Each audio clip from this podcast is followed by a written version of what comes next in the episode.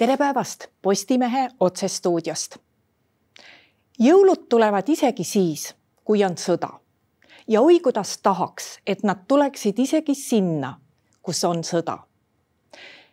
kahjuks ilmselt jõuluvanad sellel aastal Ukraina rindelähedastesse küladesse kingitusi jagama ei lähe, aga vabatahtlikud lähevad meil on stuudios mittetulundusühingu Slava Ukraina tegevjuht Johanna-Maria Lehtme, tere päevast. tere päevast. ja äsja ka meil aasta kodanikuks pärjatud Johanna, nii et palju õnne. aitäh, eks see ole tegelikult tunnustus äh, tervele meeskonnale, et äh, kuigi auhinna peal on minu nimi, siis äh, ma arvan, et terve meeskond, kõik koostööpartnerid, Rotary klubi, kõik annetajad tegelikult väärivad aasta kodaniku tiitlit no nüüd on käimas uus kampaania, millele ka Postimees oma õla on alla pannud. nimelt lootuse jõulud Ukrainas kui palju, Johanna, seda lootust praegu on?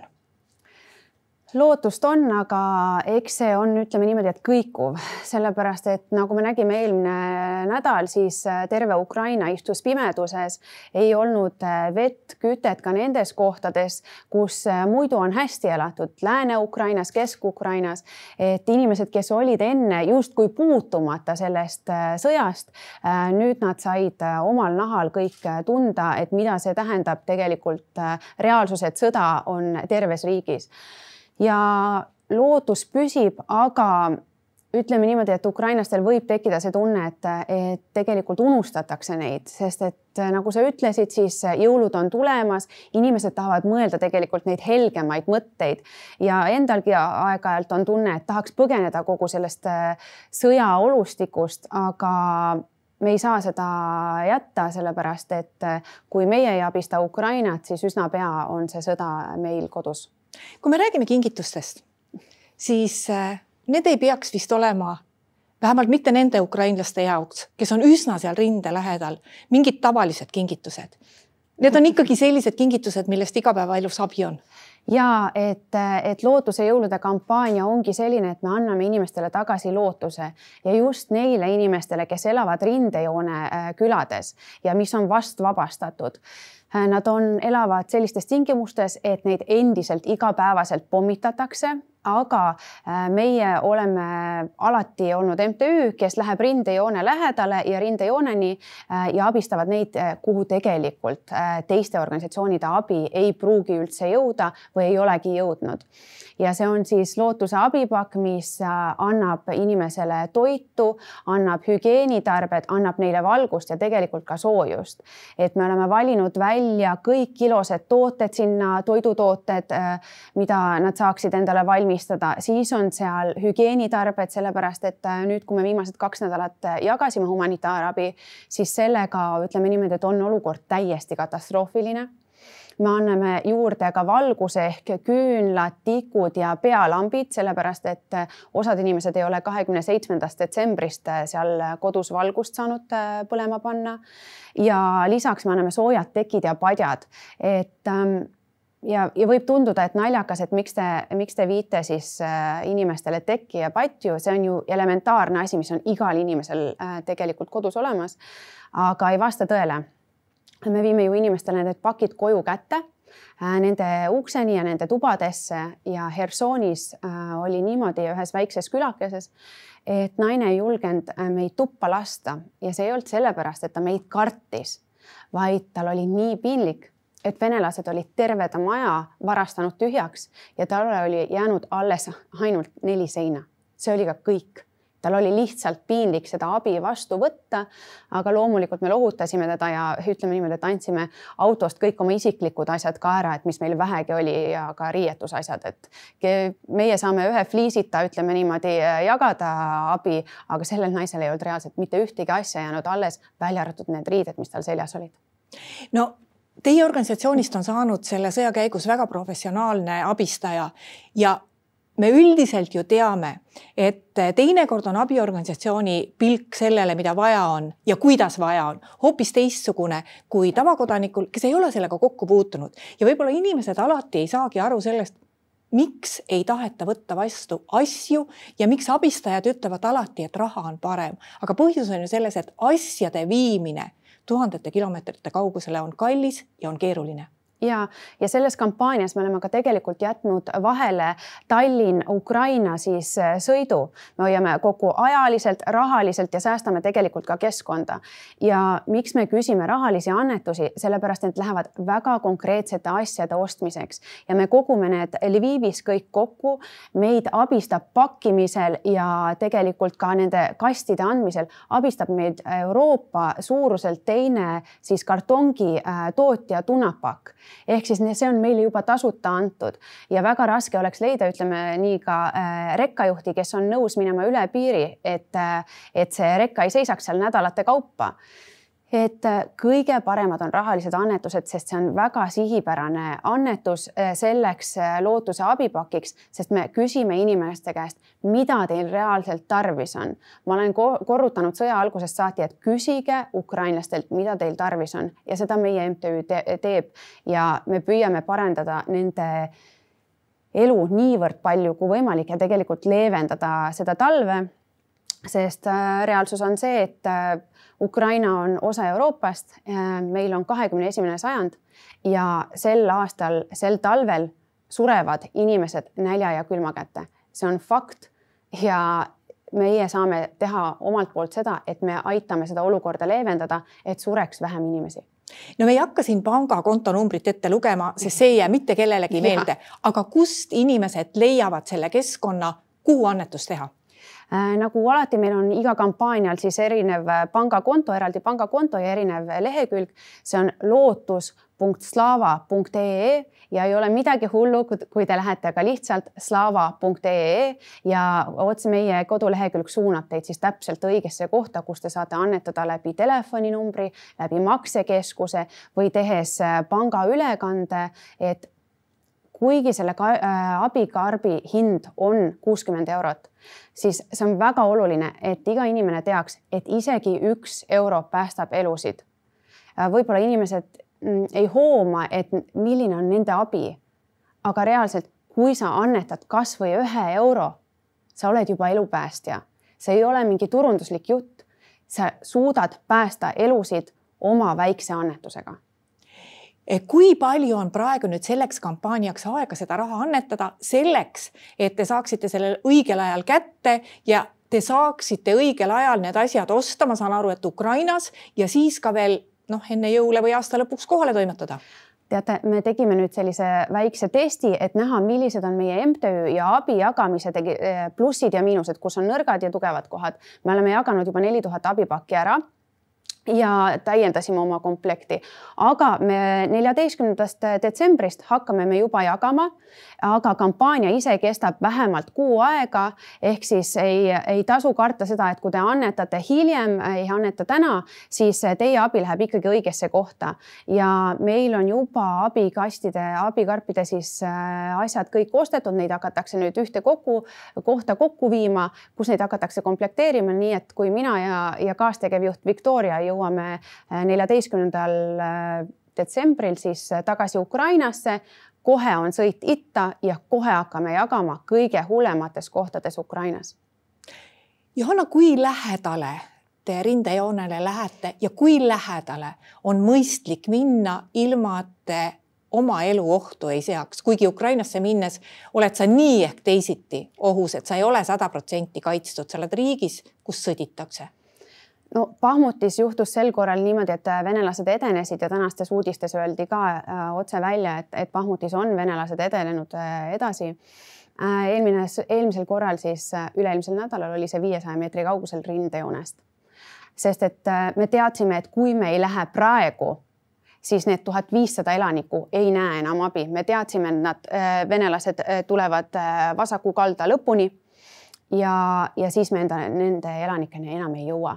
ehk siis me andsime nii palju abi, kui meil oli võimalik ja jätsime veel äh, eriüksustele ka need äh, kaste sinna paarkümmend tükki, et kui nad saavad, kui neil õnnestub kasvõi esimese tänavani minna üle jõe, äh, siis need inimesed saaksid abi ja saavad seda tahapoole jagada, ütleme niimoodi venelaste pilgu alt väljas, aga ma ütlen ausalt, need viimased kaks nädalat on olnud kõige hullemad minu elus. Äh, me käisime terve nii Eesti kui ka Ukraina meeskonnaga ise abi jagamas, olime igas kohas ise kohapeal. ja meil oli kolm olukorda, kus me läksime sealt ikkagi niimoodi ära, et meil käed värisesid meid pommitati nii lähedalt, et oleks mõni inimene seisnud kolm meetrit paremale poole, siis see, see inimene ei oleks meiega tagasi tulnud elavana. Aga see on risk, mida me võtame, sest see on meie MTÜ spetsiifika. me lähme sinna, kuhu teised ei lähe, hoolimata sellest, et seal pommitatakse. teiste jaoks on see liiga ohtlik ja igal MTÜ-l on omad reeglid, et kui kaugele nad rindejoonest tulevad. meie lähme otse sinna, kuhu on vaja lihtsalt niimoodi me oleme otsustanud ja, ja seda põhimõtet me ei kavatse muuta. kui palju te saate sellist taustainformatsiooni? Noh, üldiselt me ju teame, et Ukraina sõjavägi ei jaga seda informatsiooni avalikkusega, aga kui omad inimesed olete teie nende jaoks ja kui palju nad jagavad seda informatsiooni, mis võiks juhtuda, sest paljusid asju ju palja silmaga ei näe? Mm, see informatsioon jah, meieni ei jõua läbi meedia, vaid et tegelikult meil need oma sõprusüksused, ütleme nii, nad ei ole meie jaoks sõjaväelased, nad on meie sõbrad, kellega me helistame iga päev, me küsime, kuidas noh, ütleme niimoodi, et üheksakümne kolmas brigaad helistab mulle, et Johanna, kuidas sul läheb, kas äh, Sumel on äh, kõne areng parem, paremaks läinud? ja siis mina küsin nende perekondade kohta, kuidas neil, kas neil on mingeid asju veel juurde vaja. Ja jah, meieni jõuab informatsioon, mis ei jõua avalikkuseni, sest et see aitab tegelikult ka paremini teha meil oma tööd ja ette valmistada ja strateegiliselt minna kohtadesse, kus arvatakse, et näiteks tolles linnas hakatakse pommitama ülehomme. Äh, nende ütleme niimoodi, et äh, luure ütleb meile, et venelased valmistuvad seal, sinna te ei tohi täna minna, aga homme minge hoopis sinna ja siis balansseerib see ära ehk siis me saame informatsiooni tõesti, äh, mida teistele ei jagata ja ma olen, ma arvan, et see on väga hea, et, et avalikkus äh, kõike, kõigest teadlik ei ole vot nüüd ikka see igivana küsimus, mis äh, võib-olla inimesel, kes sõjaga ise kokku ei puutu, noh, paratamatult tekib, miks need inimesed ära ei lähe, kui on teada, et rinne tuleb, Ukraina riik ju tegelikult õhutab neid lahkuma, aga inimesed ei lahku oma kodudest. üks vastus on, neil pole kuhugi minna, aga kas neid vastuseid on veel? Jah, sul võib olla alati äh, mõni vanemaealine invaliid või kasvõi nooremas eas invaliid äh,. sul ei ole kuskile minna äh,. Nendel inimestel tekib tunne, et neid ei ole kuskil mujal vaja praegu õudselt muretseme ühe oma meeskonnaliikme ema pärast, kes on Hersonis äh, ja ta on venelaste võimu all endiselt. tema ütles konkreetselt, et ma ei saa tulla, sest et mul on loomad siin ümberringi, et kes toidab neid, eks ju, et venelased varastavad nad kohe ära, et mina endiselt kaitsen oma kindlust. no ma loodan, et me saame lihtsalt jõuga järgmine kord äkki eriüksuslaste abiga lihtsalt suruda ta autosse ja ära tuua aga see on inimeste kodu ja nad ütlevad, et miks mina pean oma kodust põgenema. ja teiseks loomulikult, et kes see mind tahab, kuhu ma lähen, mis minust saab? Loomulikult oleks neil võimalus ja, ja me oleme ise ka evakueerinud inimesi, sest et autod on ju meil pärast tühjad, mm, pärast abi jagamist tühjad. Ja, ja seekord me evakueerisime kaks äh, vanemat naisterahvast siis äh, Bahmutist, ühe Nikopolist ja Kuljapoljest äh, kolm inimest ja me toome nad Dniprosse, seal on riik loonud siis erinevad keskused, kuhu nad saavad minna. väga hea, kui neil on näiteks mõni tütar või poeg või äh, mõni sugulane, eks ju, et siis me saame need inimesed täiesti tasuta äh, suunata sinna, kus on nende sugulased. aga kui neil ei ole enda inimesi, siis hoolitseb riik nende eest ja viib nad siis äh,, alguses nad saavad toibuda Dnipros ja järgmistel päevadel siis nad liigutatakse tegelikult Lääne-Ukrainasse kus nad siis ütleme niimoodi, et hakkavad ootama, et äh, millal see sõda läbi saab ja millal saabub Ukraina võit. sa ütlesid, et te natuke aega tagasi tulite alles kohast, kus pärast käed värisesid ja oli hea tunne, et ellu jäid.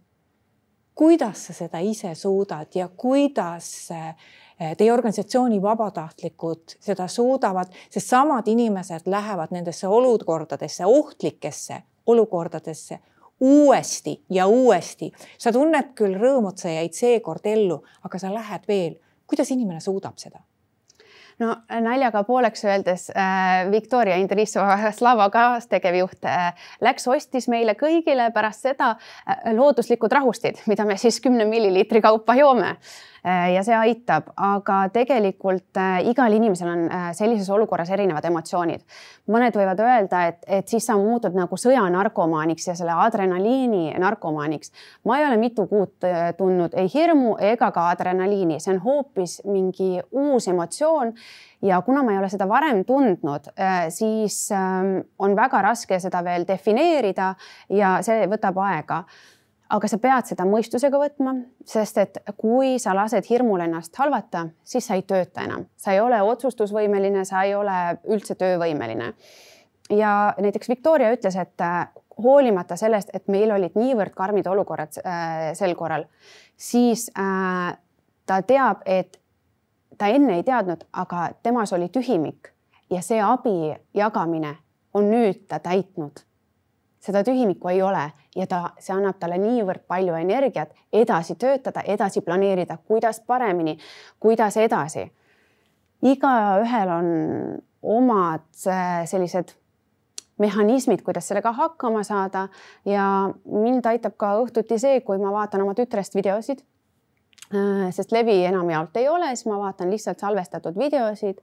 Äh, me räägime hästi palju omavahel meeskonnaga, me räägime väga palju siis sõjaväelastega, et neid emotsioone protsessida ja loomulikult on meil ju ka siin ministeeriumid, terviseministeerium, kes vajaduse korral alati pakub meile abi, sest et nad on ju loonud endale vaimse tervise osakonna ja seal on äärmiselt kompetentsed inimesed, kes on meid igal hetkel äh, nõus tegelikult toetama, kui meil seda tarvis on. ma saan aru, et teie oma meeskonnaga, need inimesed, kellest sa räägid, äh, on väga palju asju kogenud ja Ukraina sõda tuli ju nii järsku, et siin ei olnud aega ette valmistada. et kui tavaliselt vabatahtlikud lähevad rahvusvahelistele missioonidele, siis seal on ju aega pool aastat enne ette valmistada mõelda, mis olukord on, kuidas seal käituda ja nii edasi ja seda tehaksegi. Ukraina sõjaks ei olnud mitte keegi valmis mm, -hmm. et kui palju praegu sellega meeskonnaga veel liitutakse ja, ja, ja missugused need inimesed peavad olema ja ja kes on see, keda sa julged sinna saata? noh, ma kujutan ette, et kui tuleb keegi entusiastlik noor inimene ja tahab seda sõja adrenaliini saada, noh, ma arvan, et sa lihtsalt niisama ei võta teda kaasa. ei äh,, Eestist käime ainult mina ja Victoria ja siis meil on Ukraina-sisene meeskond, kes on, on selline väga huvitav punt, et meil on ukrainlased äh,, siis meil on üks valgevenelane ja tegelikult on üks ka venelane meil äh,. ehk siis me kõik töötame rahvusvaheline meeskonnana koos, aga selleks, et meie meeskonnaga liituda, äh, peab olema äärmiselt kõrge pingetaluvus, aga ma ütlen, et kohe, et noh, Eestist äh, me ei võta kedagi kaasa, sest noh, ütleme niimoodi, et meie oleme nõus oma eludega riskima ja kui keegi soovib tulla adrenaliini pärast sinna, siis vabandust väga, need on täiesti valed põhjused. et äh, sul peab olema äärmiselt kõrge missioonitunne, sul peavad olema väärtused paigas, et see, et adrenaliini saada, ma arvan, et Tallinna loomaaias saab joosta jääkaru eest ka nagu teatud summa eest ära, et see annab ka sulle adrenaliini. et ähm, me hetkel Tallinnas ei suurenda oma meeskonda, sest et, äh, et meil on Ukraina põhine töö, et kõik asjad me ostame sealt või siis Poolast või lähiriikidest, et oleks kulud väiksemad ja komplekteerime kõik asjad seal, et, äh, et see on Ukraina sisene töö ja siis meie haldame siis Ukraina meeskonda ja teeme kõike koos, et äh, et me hetkel, meil lihtsalt ei ole ka võimalust, sellepärast et me peame oma annetusi äh, väga arukalt kasutama, et meie tööjõukulud ei kasvaks äh, suureks, et, et õnneks meil on väga väike protsent, mis läheb annetustest äh, vist, kui finantsjuht vist ütles, et viimase kolme kuu ähm, annetuste põhjal vaadates protsent on null koma kaheksakümmend kaks, mis me kulutame oma palkadele. ma arvan, et me oleme suhteliselt hästi nagu hakkama saanud selles valdkonnas mitu korda sulle öeldakse päevas, et aga miks sa lähed ise Ukrainasse? kõigepealt tegevjuhina on sind vaja Eestis ja teiselt poolt sul on perekond, sul on laps. sa oled ju ohus äh, ma arvan, et kui ma oleksin meesterahvas, siis keegi ei küsiks mu käest, et, et miks sa lähed, sul on laps. ma lähen täpselt samamoodi komandeeringusse äh, nagu inimesed lähevad Brüsselisse, Londonisse või Vilniusesse lihtsalt minu komandeering on riigis, kus käib aktiivne sõda. ja tegevjuhina on mind vaja seal, kus on abivajajad. ehk siis kuna meie abi on suunitletud Ukraina siseselt, siis seal on mind tarvis, et me veedame kaks nädalat umbes Eestis ja kaks-kolm nädalat oleme siis Ukrainas kohapeal et selline on meie töö ja ma arvan, et siin ei ole sellist vastust, et et miks sa seda teed või et miks sa ennast ohtu paned, see on meie missioon, see on meie töö, see on lihtsalt erineb sellest, mis on teiste inimeste arvamus, ütleme niimoodi, traditsioonilisest tööst või traditsioonilisest, ütleme nii, kasvõi perekonna kasvatamisest. aga ma arvan, et mu laps ei ole tulevikus vähem uhke minu üle äh, või Victoria tütar ei ole vähem uhke meie üle, et äh, ma arvan, et nad saavad aru, miks me seda tegime, sellepärast et äh, meie täpselt samamoodi nagu võitlevad ukrainlased äh, vabaduse eest, võitleme meie ka enda riigi vabaduse eest. inimestele, ma loodan, see, see jõuab kohale. no kahekümne neljas veebruar sellel aastal ei olnud sinu esimene kokkupuude Ukrainaga, sul on äh, tugevad sidemed Ukrainaga.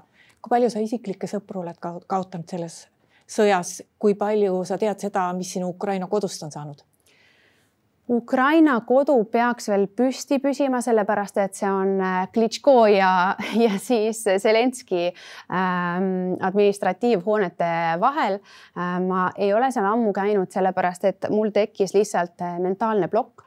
et ma, et venelased tulid natukene liiga lähedale kodule ehk mul kadus ära turvatunne ja üldiselt me Kiievis ka ei käi, sellepärast et seal ei ole abivajajad või vähemalt neid, äh, kellele meie abi on suunitletud sõprade koha pealt ja tuttavate koha pealt ma eh, ütlen täiesti ausalt. Eh, ma ei loe seda. Eh, ja isegi siis, kui ma saan mingi teate, mm, siis tavaliselt õhtul ma panen küünla aga seda ma jõuan kõike protsessida siis, kui see sõda on läbi, sest et ma arvan, et seda kurbust on natukene liiga palju kogunenud, kogunenud sisse, et lasta hetkel selle välja tulla et äh, see tuleb siis, kui ähm, võit tuleb. kust sinu jõulud tulevad? ma lubasin oma emale ja tütrele, et ma olen kahekümne neljandal detsembril äh, Eestis, äh, et peaksin isegi kahekümne teisel jõudma tagasi ja et püüame teha traditsioonilise jõulu ja ma väga loodan, et meil see õnnestub. aitäh, Johanna, tulemast saatesse. edu sulle ja mis siis muud, kui meie läheme annetama. ja aitäh ka kõigile neile, kes meid vaatasid. nii palju veel, et meie järgmine otsesaade on eetris juba homme. seniks lugege uudiseid postimees.ee